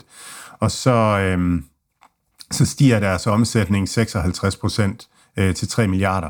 Og det er det, der bliver kendetegnende for alle de her øh, virksomheder, at, at deres øh, revenue stiger mere end deres GMV. Det ser vi også over i Sea Limited, og det kommer vi til at se alle de her steder, simpelthen fordi man kan monetisere kunderne på flere og flere, flere, flere forskellige øh, måder. En P på over 200, som jeg lige kan se. Hvad, hvad, hvad tænker du om det? Jeg ved måske godt, det ikke er det, du tal, du bruger allermest, men det er alligevel godt nok et voldsomt, øh, voldsomt lidt af slagsen. Ja, altså, øhm, det, det, øhm, playbooken her, det er, at det vi tjener, det investerer vi øh, i ting, som kan give langsigtet vækst. Lige nu leverer vi, øh, lige nu leverer vi øh, logistik til, øhm, til, en, en, til en underskudsforretning eller sådan et eller andet, men vi ved, at det får brugerantal til at vokse på sigt. Øh, når brugerantal stiger, så, så kan vi både hive dem ind i vores e-commerce forretning, i vores øh, offline payment system, i vores øh, Øhm, låneforretning, fintech. Øh, vi kommer også til at lave forsikringer, og vi kommer til at hive data ind på alt det her, så kan vi lave nye produkter og være ledende i, i AI-verden fremad. De investerer bare på lang sigt. Øh, Jamen igen, i, uh, i et, et, det her webinar, jeg lavede, hvor der taler jeg om, om, om det, som Clayton Christensen han, han kalder uh, disruptiv innovation. Det er det her, vi investerer i ting, der bygger noget på lang sigt, hvorimod du kan også investere i, i, i efficiency, noget, der, der skaber afkast på kort sigt. Men, men det er Mercado Libre, de kommer ikke til at have en PE på det kan godt være, at der tilfældigt lige rammer et kvartal, hvor de har en PE på, på, på 30 eller 40 eller sådan et eller andet. Men ellers så, øhm, så kommer de til at have en høj PE, fordi de har masser af projekter at investere i, og det skal man bare være lykkelig for. Så, så den her type virksomheder, altså som er innovative virksomheder, der er, der er en nøgle, øh, bundlinjetal duer ikke, øh, bundlinjeratioer duer ikke til at bedømme dem. Man skal forstå, hvad de bygger. Så skal vi forbi uh, Open Door, Ja, skal man heller ikke kigge på bundlinjetal lige nu. Øh, overskriften for... Der er ikke så mange ting ved, ved den, man skal kigge på lige nu, måske udover at selve, selve ideen bag det. Nej, altså Open Door, de, de købte øh, i, i anden kvartal 2021, 2022, der, der købte man, ligesom man gør i hver kvartal, en masse huse, og så faldt boligmarkedet øh, med rigtig mange procent, det vil sige, at man havde, øh, man havde for rigtig mange penge huse på, på, øh, på bogen, som, øh, som faldt øh, til under den værdi, man kunne sælge dem for øh, igen. Øh, så de har en portefølje af huse der, de vil sig igennem. De har nu solgt 66 procent af de huse, og i løbet af næste kvartal forventer man at komme op på 85 procent. Og, og, og hver gang de sælger et hus fra den portefølje, så, øh, så bringer det underskud. Så det vil sige, at det underskud, de har lige nu, det skyldes, at, at de sælger nogle huse, de har købt for dyrt i forhold til det, de kan, kan sælge dem for. Øhm, så, så det skal man se som en one-off. Øh, de huse, de har købt i, jeg tror, de huse, de har købt i Q4, øh, der har de, eller også var det Q3, men de, men de har øget deres, sådan, deres sikkerhedsmargin, mens at, at det gik vildt for sig. Og nu har de en overskudsgrad på 9,7 procent på de huse, de sælger, som de har købt senere. Og, og når de får solgt sig igennem de kohorter, så vil de, mener de, at de har en 4-6 øh, procents fortjeneste på det, som er deres langsigtede mål. Så øhm, ja, så, så der er ikke så meget, man kan bruge tallene til. De lyder fortrøstningsfulde. Øh, de, har, de har penge nok øh, til at, at, at køre igennem øh, stille og roligt. Man kan sige, at det, det, de ikke har penge nok til, det er at være lige så risikovillige, som de burde være. Altså hvis de havde masser af penge, så ville de også kunne købe masser af hus nu, øh, hvor de forventer, at, at det vil gå godt. Men, men øh, i og med, at, at ens balance har fået et lille hug, så, altså, så, så går man stille med dørene øh, nu her det næste stykke tid. Så det kommer til at lægge en dæmper på væksten, men, men de overlever. Det, med mindre der sker et eller andet nyt vildt. 26 procent nede for ugen. Øh, som du siger, vi er i det yderste spread af risikofaren med sådan en virksomhed her, men, øh, men, men en idé, der giver, der giver god mening, øh, og, øh, og måske også en af dem her, som, øh, som, som virkelig, virkelig kan, gå hele vejen, hvis det er, at det lige hænger sammen. Men, men altså, man skal godt nok også sidde ved, ved Open Door, man skal godt nok også have en dygtig ledelse og, og nogle dygtige direktører, som sidder og styrer slagets gang her, vide præcis, hvornår, øh, hvornår boligmarkedet, hvornår man skal købe, om man har kapital til at købe, og styre hele og strømline det hele og gøre produktet bedre og, øh, og lave alt det her, opbygge den her platform også, og ting og sager og sådan noget. Der er mange, der er mange øh, ting, man skal balancere på, på fadet. Ja, og, de, og derfor gav det også mening, at man i sidste kvartal øh, øh, gjorde øh, Carrie Wheeler øh, til CEO. Hun var tidligere CFO, og det er altså det er den vigtigste funktion i den her virksomhed, det er at forstå øh, kapital og forstå øh, risikoen ved den. Øh, ja, så, så så jeg faktisk lige en, et interview med en, med en gut, som, som talte, uh, han var en ejendomsmaler i Miami, han talte meget om, at han brugte den her chat-GPT i forbindelse med markedsføring af, af boliger, ikke ved Open Door, men i hans øh, fysiske butik. Og jeg sidder sådan en lidt, jeg kan ikke helt, jeg synes ikke, han var ret god til at forklare, hvad han præcis brugte den her chat-GPT til. Kan du, sådan, kan du måske fortælle lidt om, hvad, øh, hvad du tror, og hvordan man kan bruge den sådan med, med reklamemæssige øjne? Ja, altså øh, først og fremmest så tror jeg, en af, en af de ting, der, der er ved ChatGPT, det er, at den, øh, at den, at den virker, at, at man får mere fornemmelsen af, at man taler med et menneske. Øh, den her Bing, øh, Bing AI havde jo et kodenavn, der hed Sydney. Så der har været meget snak om Sydney, øh, altså øh, at, at snakke om Sydney som en person, og nogen har diskuteret, hvilket køn øh, Sydney egentlig har, og sådan nogle ting. Så det tror jeg, hvor tidligere, når man har, når man tidligere har gået ind på sin netbank, og så er blevet bedt om at sige med, med en sætning, hvad det var, man gerne ville, og så, og så kommer det bedste gæt, og det betyder, at man får den forkerte person 9 ud af 10 gange. Altså, det, det er bare irriterende og tidsspilde for brugeren. Men, men jeg tror, med ChatGPT, der kommer øh, det kundeservice til et niveau, hvor en computer øh, øh, kan tale med et menneske, sådan at man får fornemmelsen af, at man taler med et menneske, der rent faktisk hjælper. Så, så det er sådan kundeservice-delen. Så er der øh, vidensdelen, og, og der, der er det her med, search er godt til at, at, at finde steder, man kan læse om ting, altså til at finde vej på internettet, finde en rigtig side og læse noget mere. Men hvis du skal have trukket noget, øh, noget, øh, noget viden ud af et system. For eksempel, hvis du spørger, hvis du googler, hvad er, øh, hvad er tilfredshedsscoren på skolerne i området omkring øh, Harald Jensens plads i Aarhus? At det, det kan du ikke på en search. Der, der kommer du ikke frem til noget. Der kommer du, øh, men det, det kan du måske på en, en large language model, en chat GPT. At så kan den godt de, øh, designe et, et svar ud fra det. Så på den måde at kan du få noget mere detaljeret viden, noget viden på tværs, og noget viden, der er skræddersygt til de spørgsmål. Så det tror jeg bliver, bliver det, der virker. Øh, mm. Cool. Så skal vi lige have Carvana med os. Ja, øh, endnu en, en, en vild, øh, vild, vild, vild ting. Øhm, øh, Carvana, det, det store spørgsmål, det er, overlever de? Altså, det er det, er det helt store spørgsmål. Øh, og, øh, og Garcia, han, øh, han aflægger regnskabet. Øh, øh, antal biler falder med 23 procent, omsætning falder med 23 procent, bruttofortjenesten falder med 63 procent. Øh, helt vilde tal. Og, og der er egentlig ikke noget, der er overraskende øh, i, i det her øh, karavaneregnskab. Øh, og så, så kommer Garcia frem og, og fortæller om, hvad det er, man gerne vil. Altså man vil gerne til positiv EBITDA, og når man sådan hører ledelsen, så lyder det som om, at de regner med, at, øh, at anden kvartal øh, i år bliver der, hvor man kommer til positiv EBITDA. Så vil man gerne til positiv cashflow, øh, der snakker de om senere på året, øh, og så vil man gerne til at vækste øh, igen. Og så... Øh, Altså, og så sidder man sådan, så sidder man sådan, altså, hvad, tror du på det altså selv, eller, eller, eller spiller du skuespil øh, i det? Øhm, og, og så siger han under Q&A, så siger han, jamen, we have a shot at making it through without capital, and if that fails, we have numerous ways to get capital. Øhm,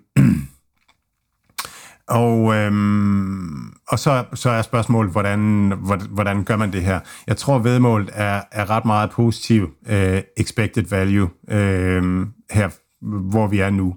Øh, fordi øh, opsiden er rigtig, rigtig stor, øh, hvis, hvis de lykkes. Og, og, og, og, og risikoen for konkurs, altså sådan givet, hvad han siger og sådan nogle ting, så er det, så er det relativt... Jeg, jeg, jeg, jeg tror ikke, risikoen er særlig stor, og opsiden tror jeg er rigtig, rigtig stor. Lad os sige, at opsiden er, at kursen fordobles Øhm, jamen så, så skal vi jo bare over 50%, eller mindre end 50% risiko for en konkurs, for at vi får et positivt afkast på vores vedmål. Jeg tror, opsiden er væsentligt større. Og så tror jeg ikke, at man, at, jeg tror ikke, der kommer et entry, hvor at man, at man ved, at nu er Carvana øh, ude af skoven. Altså det øjeblik, hvor alle ved, at nu er Carvana ude af skoven, der er kursen meget højere end, end her, hvor vi er nu. Så jeg tror, at den rigtige måde, det er, og det er det, jeg har gjort, altså det er at tage stilling til, om man tror, det er et godt øh, EV-bet, og så, øh, og så, så, så, så better man det, man vil, og så skal man ikke kigge på Carvanas kurs, så man skal ikke handle Carvana-aktier de næste to år. Så, øh, så, så får man, man det, det, man skal ud af det. En, en oplevelse, som jeg har med fra, øh, fra den her karavanatur, det er, øh, at jeg er med i et, et, en, en lille gruppe af, af, nogle, øh, af nogle folk fra, fra fonde, nogle af de fonde, som man ikke hører om i headlines derude, men som, som er den undergruppen øh, af fonde, hvor, hvor jeg får, får lov at opleve på sidelinjen, hvad de ved øh, om, øh, om Carvana. Øhm, og, og en af de ting, jeg har lært, det er, at, at alt det, vi googler os frem til, og alt det, vi ser i mainstream-nyhederne, det er ofte forkert. Øhm, der, de, de, de sådan... Øhm, de, øh, og de ved sindssygt meget. Altså de her gutter, de ved salgstallene på ugenlig basis, de scraper det, og, og de har jibbit data og sådan nogle ting, så der er ikke ret meget, der kommer bag på det, og når når, øh, når nogle af de her øh, investeringsbanker kommer ud med deres, øh, med deres prognoser og sådan nogle ting, så sidder de og piller det fra hinanden og siger, det der det er forkert, og den der antagelse er forkert, og det der har han misforstået i regnskabet, øh, og sådan nogle ting. Så, øh, så der er meget af det meste af det, vi, vi oplever derude, det er sådan en støj, øh, der, der kører frem og tilbage. Og bear de har simpelthen været Altså, de, de er, er heller ikke særlig gode. Øh, de, de, dem, de bliver også pillet fra hinanden. Man kan sige, det, der har sænket Caravana, og det er det, som Garcia siger, øh, for, altså, det var, at man kommer, man kom i 2021, der kan man ikke følge med. Altså, man er ved at blive, øh, man er ved at blive øh, profitable, og man kan ikke følge med. Øh, og de, de, de produktionsfaciliteter, man skal bygge, det tager, det tager et halvt til et helt år at få det op at stå. Så man, man ruller ud øh, og bygger op. Så man kommer ind i, i 2022 gear til vækst, og så, øh, og så sker der det, at øh, renten stiger, og så det er det samme problem over i Open Door, at, at når en bilkøber, når en potentiel bilkøber, han sidder og kigger på, jeg har et billigt lån nu, hvis jeg skal ud og refinansiere en ny bil, så bliver lånet dobbelt så dyrt i, i omkostninger. Så når han så kigger på sin private økonomi, så har han ikke råd til at skifte bil. Og tilsvarende, så er der rigtig mange boligejere nu, som sidder øh, sidder og kigger på, at de har det hus, de har nu, det er finansieret til en lav rente. Hvis det er, at de skal flytte, så skal de købe et nyt hus og finansiere det til en væsentlig højere rente. Så mange har ikke råd til at flyttehus. Derfor bliver de i deres eget hus, og derfor så er der ikke ret mange sælgere, og derfor så er prisen egentlig kunstig høj, på huse, fordi der er, ikke, der, der, der er mangel på sælgere, og det er for dyrt at sælge. Det er lidt det samme med biler. Så markedet er, bunden er gået ud af markedet, der er ingen, der sælger biler, og, og det har ramt karavaner, der kommer ind med alt for store øh, faste øh, omkostninger til det. Ja, du kan da så sige, at, at for biler, der, øh, når, hvis der er en recession eller økonomisk krise, jamen, så er det jo det, som folk holder fast i længst. Der kan stadigvæk være noget relokering i forhold til arbejde med hus, hvor man siger, at jeg får også en lønstigning, men, men vi skal skulle sælge huset i Skanderborg og flytte til Horsens, for vi gider ikke ligge og køre. Øh, men med bilen, der, der prøver man jo bare lige at puste en gammel møgsband lidt, og så lige tage, øh, hvad hedder det nu, og køre et, et, et, et par år mere i Wagoneren, øh, og, og nyt plus på rettet og det hele. Så det er jo en af de her, der er hårdt ramt, så man kan se, kommer vi ind i en recession, kommer vi ind i de her øh, rentetider, som du snakker om, som løber de næste to, tre, måske fire år, hvor vi har sådan en lidt en afmatning i økonomien, så er det jo måske også lidt svært at, at se den her blive en, en, en langsigtet vinder lige med det. Øh, og som du siger, en vækstvirksomhed, hvis omsætning falder 24 procent, øh, det er jo ikke, det er jo ikke lige det, det, er jo ikke lige det man, man håber med, og, og skal sådan prøve at brande over for, for potentielle investorer, at vi altså har gang i noget, men lige i øjeblikket, der, der ruller vi altså baglæns med, med 24 procent om året. Øh, det er jo ikke de tal, vi ser ved, ved Grab og nogle af de andre selskaber, vi snakker om i hvert fald. Øh, Nej. Grab er selvfølgelig prissat til, til nærmest konkurs, men, men øh, stadigvæk så, øh, ja, så, så, så, er det, så er det hårdt for en vækstvirksomhed. Ja, altså hvis nu at, at øh, lige pludselig at pizzasalget øh, faldt med, øh, med 30 procent, altså så vil Delivery Hero og Grab virkelig også se skidt ud, så man kunne afskede de, sine, sine bude og sådan noget, skære ned på de faste omkostninger, og det er det, man ikke rigtig har kunnet i øh, Caravana, fordi det er mere fysiske øh, bygninger og, og sådan langtidsansatte folk, men det sker man til. Det, det som, altså hvis man skal, det, det som er, er bullcasen herfra, det er, at, at når nu folk ikke har skiftet bil i et par år, øhm, og, og, og folk får råderum, enten fordi, at, at lønningerne kommer med op, som, som vi ser nu her ved overenskomstforhandlingerne her, at, at, at de kommer op og sådan nogle ting, jamen så, så, kommer, altså, så kommer det som en bølge øh, efterfølgende, at, at så kommer det til at stige øh, lige så stille. Så, øh, så hvis Carvana øh, overlever, så kommer der også en periode, øh, hvor, der er, hvor der er medvind øh, på cykelstierne og sådan nogle ting. Så, altså, så, ja, så, og, og den er priset til konkurs lige nu, og det er derfor, at, at jeg godt kan lide bettet, øh, som det er. Og man skal ikke, øh, man skal ikke tro, at man, at man kommer til på noget tidspunkt at vide mere end, end, end, end de gutter, som, som, som virkelig, virkelig går op i det. Det tror jeg egentlig gælder alle aktier.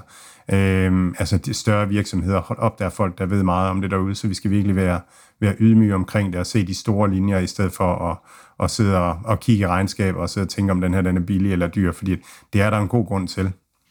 Men, men hvis du vil tage et bet på den her aktie, synes du, så er det tiden at købe lige nu, sagde du før, jamen skal man bare kigge på den om to år, men altså triller vi tilbage over hele linjen med, med makro og lidt surt og sådan noget, så er det jo heller ikke usandsynligt, at den her den, den går i fire, som den var nede i enten bundet ud, sådan i hvert fald første bund.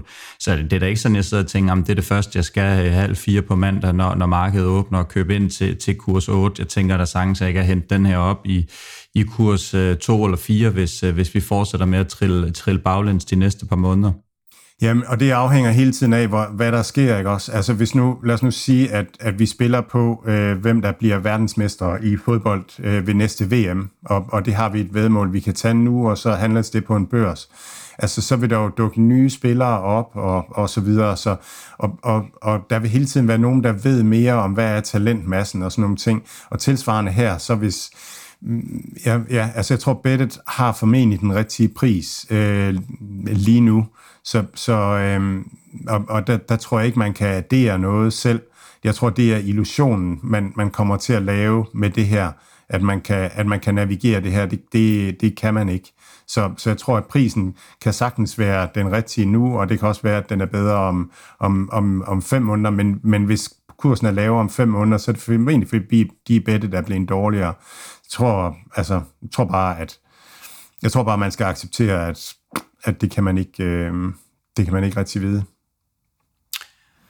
Jeg tror, det var ordene for, for i dag, Mads. Det blev også en, øh, ja. en lang ja. omgang. Ja. Halvanden times øh, løbetur er der så øh, tanket op til i skoven i, øh, søndag på et eller andet tidspunkt, når, når Anders har fedtet sig færdig.